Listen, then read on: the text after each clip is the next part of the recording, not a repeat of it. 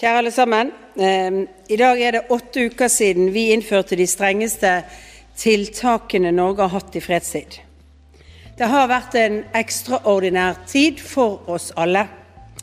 En tid jeg tror vi kommer til å huske så lenge vi lever. Og det norske folk har i møte med strenge tiltak vist oss tillit og tålmodighet. Og nå er det vår tur å gi tilbake på det løftet vi har gitt. Nå starter gjenåpningen av Norge. Her er regjeringens plan for hvordan det skal skje. Dette er korona kort forklart fra Aftenposten. Det er fredag formiddag 8. mai.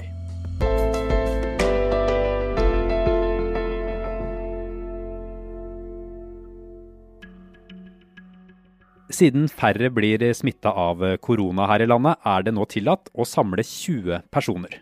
Så lenge alle står minst én meter fra hverandre.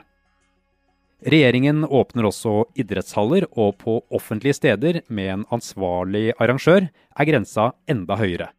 Der kan 50 personer samles. Fra neste uke åpner skolen igjen for alle trinn. Det samme gjør kjøreskolene og folkehøyskolene.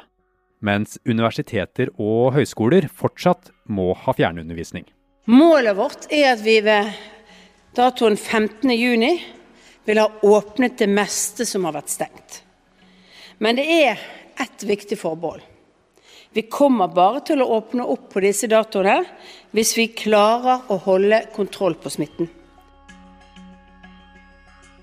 Ny kunnskap om viruset gjør også at karanteneplikten for de som har vært tett på en smittet person, reduseres fra 14 til 10 dager. Personer som har hatt nærkontakt inntil 48 timer før en bekreftet smittet person fikk de første symptomene, skal i karantene.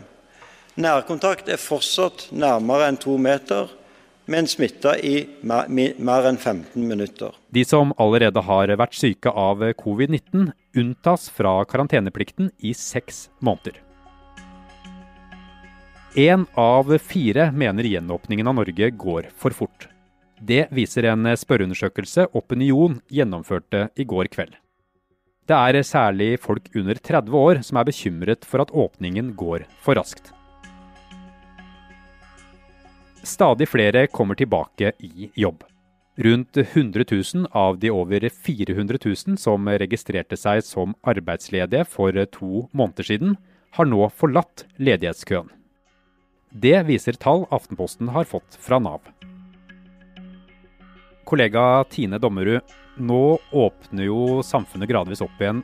Hvor sannsynlig er det at vi fortsatt klarer å holde smitten under kontroll? Ja, Det er veldig spennende, og det vet man ikke. Det er uh, mye som tyder på at det er de enkle grepene som du og jeg kan gjøre, som har mest effekt. Vaske hender hele tiden. Ut og inn av bil, ut og inn av butikk før du lager middag. Altså vaske hender. Pluss at vi holder én meters avstand. Og det siste er jo veldig uvant for oss, da.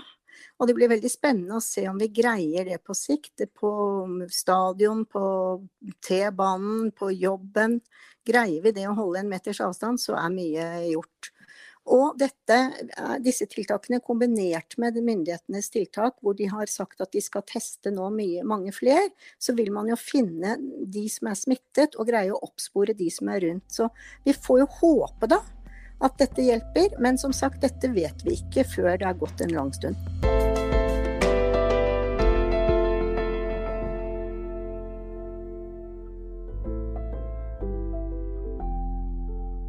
Det her var korona kort forklart.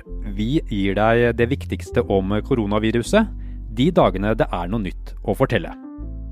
Jeg heter Andreas Bakke Foss, og hvis du har spørsmål eller tilbakemeldinger, er det lettest å nå oss på Facebook-siden Forklart.